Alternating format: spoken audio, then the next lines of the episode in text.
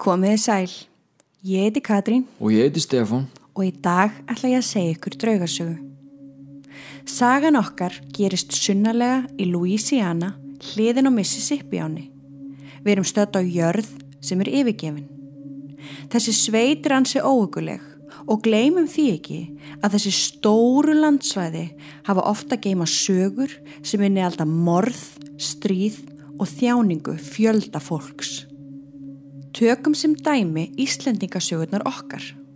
Þegar við ferðumst innanlands getum við verið nokkuð örugum að hvar sem við stoppum á leiðinni hafa einhverjir aðrir stoppað á undan okkur mörg hundruð árum áður. Jörðin hefur að geima orku og ósagðar sögur út um allan heim. Í þættinum í dag ætlum við einmitt að segja ykkur frá jörð sem hefur verið þögult vittni ímissar atbyrðarása síðustu 200 árin. Skoðaðu myndirnar sem fylgja sögunni inn á draugasögur.com af því að við erum að fara að segja þér frá og sína þér ótrúleg sönnunagögn sem muni fá hárin til þess að rýsa. Vertu velkomin í Bed and Breakfast á Myrtle Plantation.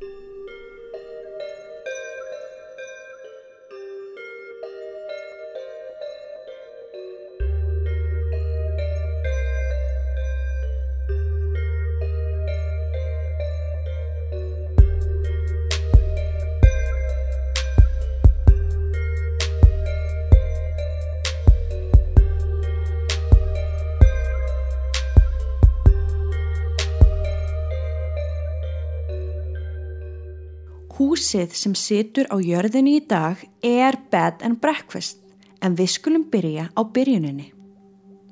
Árið 1796 kaupir hershöfðingi að nafni Bradford landið og byggir þar hús sem hann nefnir Laurel Grove. Bradford var á flótta undan lögum fyrir að hafa tekið þátt í uppreist árið 1791 til 94. Hann bjó einn í húsinu í nokkur ár þanga til hann fekk ofinberlega fyrirgefningu frá John Adams forsetta bandaríkjana árið 1799. Eftir það flutt hann fjölskylduna sína í húsið til sín. Eftir að Bradford dó erfði hann húsið og jörðina til dóttu sinnar og eigimann hennar Clark Woodruff.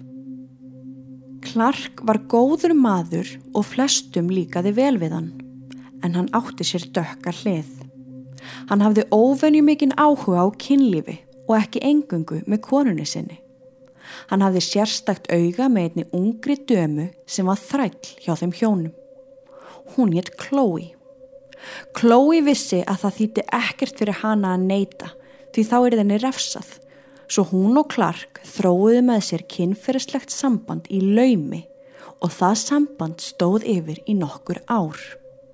En Chloe var áökjufull og hrættum að einhver myndi komast að þessu sambandi þeirra á milli og átti það stundum til að hlera samtöl fjölskyldunar til að aðtuga hvort að einhvern grunaði eitthvað. Í eitt skiptið sem hún var að hlera var hún gómuð af Clark og eiginkonu hans og í refsingar skinni var skorið af henni eirað. Eftir það var Chloe skildug til að bera grænan klút yfir höfðinu til þess að fela sárið.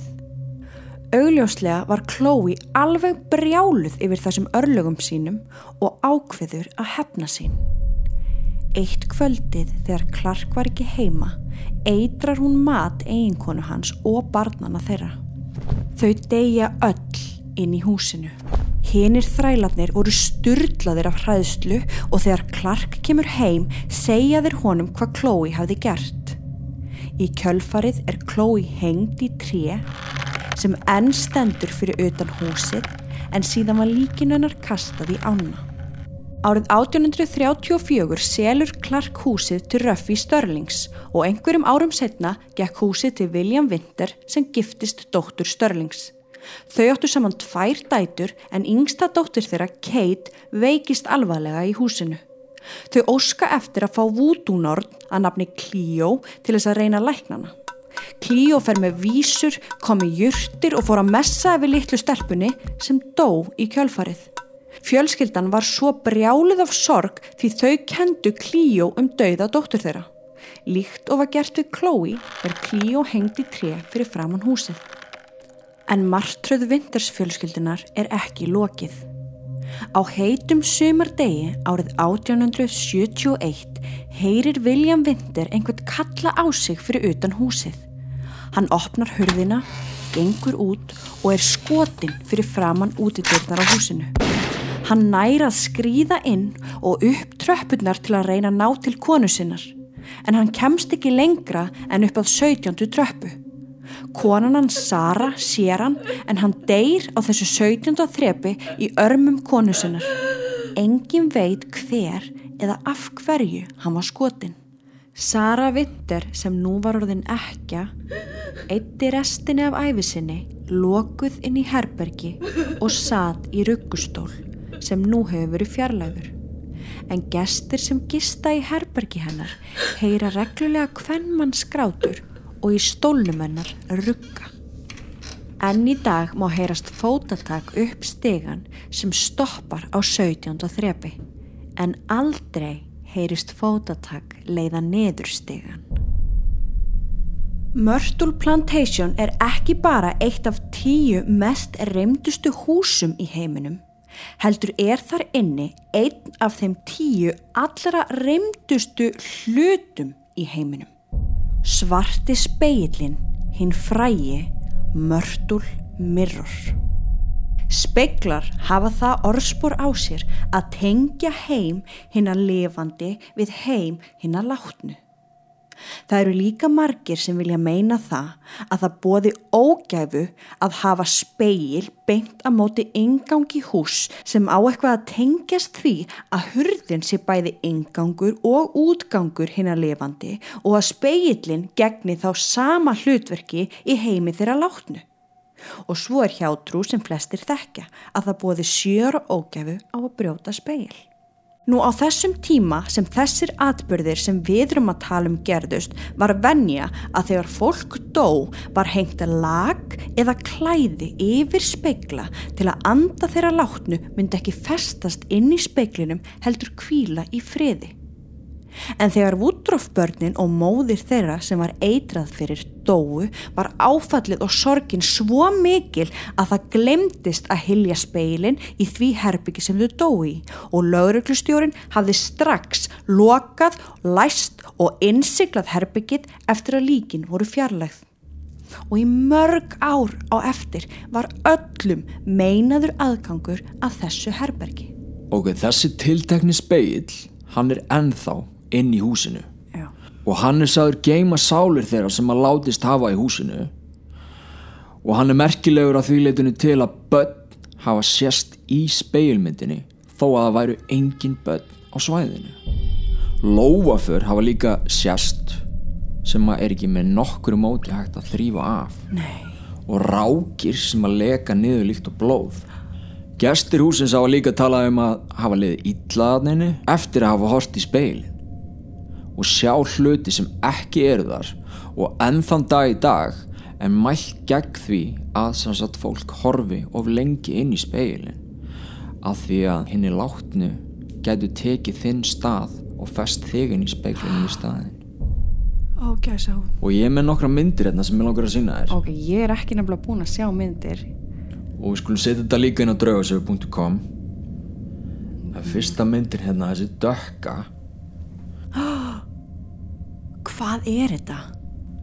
sumur vilja meina að þetta sé bann en mér finnst þetta að vera eitthvað Af hverju finnst mér þetta að vera eitthvað svona djöfulegt? mér finnst það líka Mér finnst þetta að vera eins og eitthvað svona skepna. já, jafnvel með svona hot Já, svona eins og hrútur. já Herra, þetta er ekki búið Ok, þetta eru lófaför já, eða samt ekki einhverju venjuleg lófaför. nei það sem mér finnst merkilegt er að þau koma svona eins og þau séu þetta er handabakið Þetta er handabakið. fattar þið? Það er rétt. eins og þetta sé að koma út úr Já, speiklinum einhvern það er rétt. Og svo þess að rákir hann niður. Og þetta er ekki hægt að þrýfa af. það er ekki hægt að þrýfa þetta Nei. en stundum hverfur þetta Bara sjálfum sér. já, en stundum bara er þetta Nei, nei, nei. Sko þið verðið að sjá þessar myndir. setjum þetta allt inn á draugasögu.com þetta þetta er rosalega sannanir sko. Ok, ef við höldum áfram með söguna. Næstu árin gekk húsið á milli manna en árið 1970 keiftu megirsjónin húsið og breyttu því í bed and breakfast. En það leiði ekki á löngu þar til fyrðulegir hlutir fór að gerast. Gestir fór að kvarta undan óútskýranlegum látum og enn aðrir þóttust sjá unga konu með grænt sjál um höfuðið. En hér kemur örglað að gegjaðast af því öllu. Ok. Megirs hjónin voru beðin um að taka myndir af húsinu og að lóðinni fyrir tryggingafélag. Ok. Og það er þá þar sem Chloe náðist á mynd. Það eru teknað tvær myndir bara valla með sekundu millibili.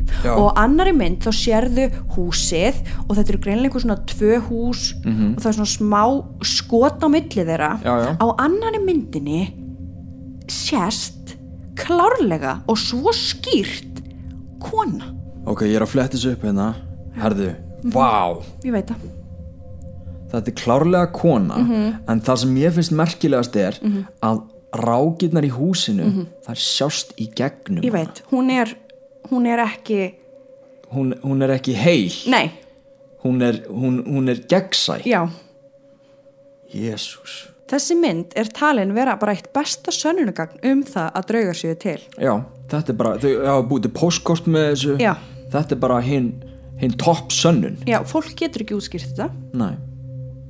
þið verðið að kíkja á þessa mynd þetta gistemili hóf starfsemi sína árið 1970 og er ennþá starfandi í dag. Og flest starfsfólk hefur lent í einhverjum óútskýranlegum atbyrðum og ég ætla að segja ykkur núna tvær sögur sem mér þótti standa upp úr. Ok. það var fólk að tjekka sig inn á gistemilið og þegar þau lappa inn þá er svona göngustígur sem þau þurfa að lappa og það tekur á mótið um starfsmæður og starfsmæðurinn, þetta er kona hún horfir á hjónin og svo horfir hún svona bak við þau og brosir og segir en hvað dóttir ykkar er falleg? Hjónin störðu á hana stjörf og sögðu svo við hana að þau ættu enga dóttur. En að fyrrum daginn höfðu þau fengið vondar fréttir frá lækni um það að þau höfðu mist fóstur. Nei. Starfsmaðurinn var svo vissum að hún hefði séð litla stelpu með þeim þannig að þegar hjónin eru farin inn í húsið þá fer hún að leita stelpunni en finnur hana hvergi. Hún gefst svo upp en þegar hún er að fara aftur inn þá heyrir hún litla stelpu kalla Help me. Starfsmaðurinn fröys. Hún snýri sér við og heyrði þá í annan skiptið. Can you help me? Önnur saga er af starfsmanni sem var bæði sagnfræðingur og leiðsögumadur um húsið. Eftir langa vakt fer hann inn í eitt herbyrgið að glugga í bók áður en hann heldur heim. Hann leggst niður og les nokkra blaðsíður en allt í einu byrja rúmið að hristast. Það hristist svo harkalega og svo mikið að hann fara að halda sér í það. Hann heldur fyrst að það sé jarðskjálti en hann lítur upp á ljósakrónuna fyrir ofan sem er alveg kyrr. Loksins hætti rúmið að hristast og hann hleypur fram skítrættur. Þegar þau skoðuð herbyggið daginn eftir mátti sjá för eftir rúmfættunar á gólfinu. Rispur út um allt, djúpa rispur. Þær eru enn þarna í dag.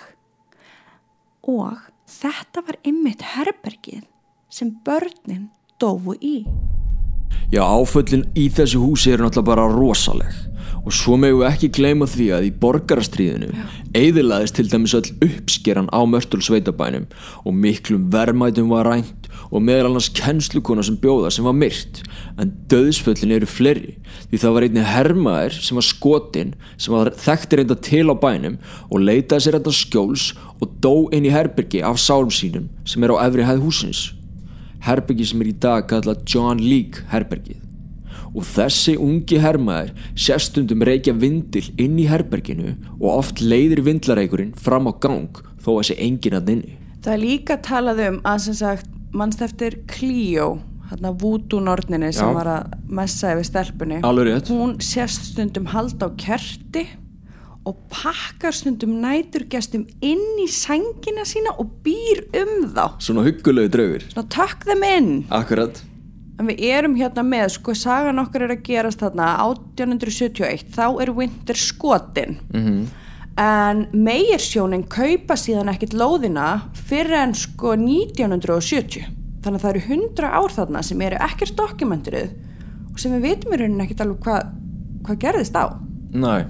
Og hver átti eignina þarna meðan? nei, Þetta er heil öld. já, En miðlar sem hafa komið á daginn, þeir vilja meina að alltaf 12 andar eigi heima þarna inn í húsinu.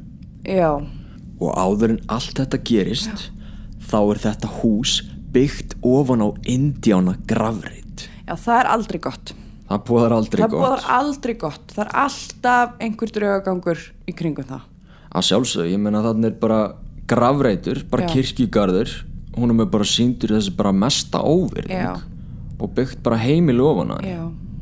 En nú langar mig til þess að fara að skoða sönunagögnin og við erum hérna með EVP sem hafa verið tekin upp í húsinu og, og mér langar bara að minna ykkur á að ef að þú ert ekki að fylgja okkur á Instagram þá skaltu gera það núna vegna þess að inn á Instagram Draugasögu podcast förum við yfir öll þessi tæki og tól sem við erum að tala um og sem við erum að nota þegar kemur að því að reyna að ná sönunum um draugagang. Já, og endilega kynnið ykkur það Já, að gerið það. er alveg nöðsulegt svo að þið séu með á nótunum hvað við erum að tala um þegar við nefnum hluti eins og EVP Við erum með mjög gott highlights inn á Instagram þar sem við förum yfir þessi tæki þannig að endilega kíkið á það. Förum aðeins yfir þessar EVP upptökur. Ok, Fyrsta EVP upptakan er frá 2009 og þið heyrið í manni og hann er held ég utandir að mér finnst þið eins og hann sé úti. Hann er að tala um það og hann er að spurja hvort að húsið sé byggt á indjánagrafrið og mögulega er einhver kona þarna með honum, ég finnst ég heyra það svona örliti í bakgrunn einhverja konu -hmm. en síðan ef þið hlusti mjög vel að þá heyrið þið rödd sem segir They said that this place was built on some sort of Indian place, in, Indian burial ground or something. Like pray. þetta er svolítið skýrt já, þetta er geggjuð upptaka hver heldur þetta sé? Ég held að þetta sé Chloe, sko. Heldur þetta sé Chloe? Já, þetta er allan svona eins og kvennmanns já það er rétt. Já, eða badn já.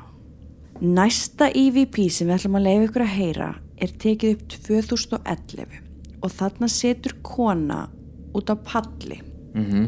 örgli einhverju svona hengirólu Já, og ég held hún sé að snúa sér. Mhm. Og hún tekur upp EVP og seg, og hún er eitthvað að spurja sem sagt, hvort það sé einhverjarna sem þarf einhverja hjálp. Já, og ef þið hlusti vel þá heyrið þið rödd segja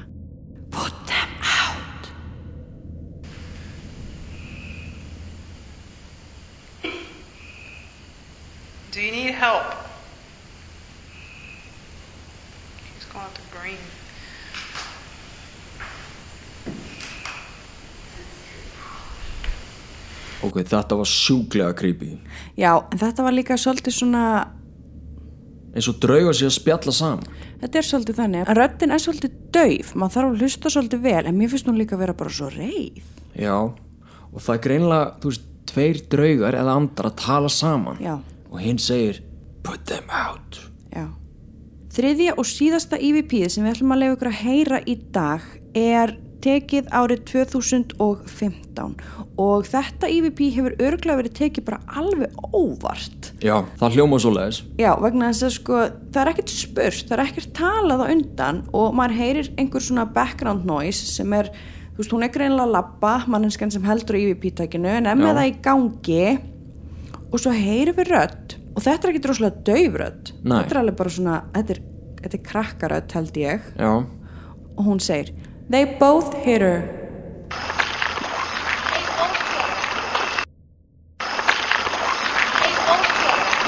Ó, mér finnst þetta creepy. Ok, þetta var hátt, þetta var skýrt og þetta heyrist alveg vel. Þetta er svo snögt, þetta er, pí- þetta er stutt klippa. Já, svolítið svona staðhæfing. Já. They both hit her. En við erum með allavega eina myndi viðbót. Já, Hún er rosaleg þessi. Hún er rosaleg. Þa, Það er ekki algengt að ná öndum á mynd en á þessum stað er búið að ná tveimur myndum. Já, Þetta er tekið fyrir framann húsið og það er búið að blörra andlitin á fólkinu sem að er á myndinni af því það er bara einhver, örgulega einhver móðir og dóttir sem mm ætlaði bara að taka mynda sér saman fyrir utan þetta hús. Já, já. En í bakgrunninum, í glugganum fyrir aftan inn í húsinu er mynd af stelpu. Þetta er óhugnalegt sko. Maður sér andlitið vel, maður sér að hún er, mér finnst hún vera svolítið reið. Já, það sést kjólin hennar Hún er greinilega með fléttu þarna Já, hún er með fléttu. Hún er sem sagt mert inn í þessum gula ring á þessari mynd sem að þær eru greinilega bara að taka selfie á sér Oh god. og þið verðið að kíkja á þetta inn á draugasögu.com Ég vona að ykkur hafi fundist þátturinn í dag jafn óhugulegur og okkur fannst hann. Það jafnast ekkert á við að bókstala sjá myndir af draugum og heyra rattir sem eiga sér enga skýringu. Ég hvet ykkur til þess að kíkja inn á draugasögur.com en þar getið þið fundið allar myndir og hljóðupptökur sem við höfum talað um í þættinum í dag. Ef ykkur langar til þess að halda áfram að fá fría draugasögu vikulega viljum við hvetja þig til þess að íta á follow á Spotify, subscribe á Apple Podcast og auðvitað fylgja okkur á Instagram undir nafninu Draugasögu Podcast. Þú sást myndirnar og heyrði rættirnar. Þau eru allstæðar í kringum okkur.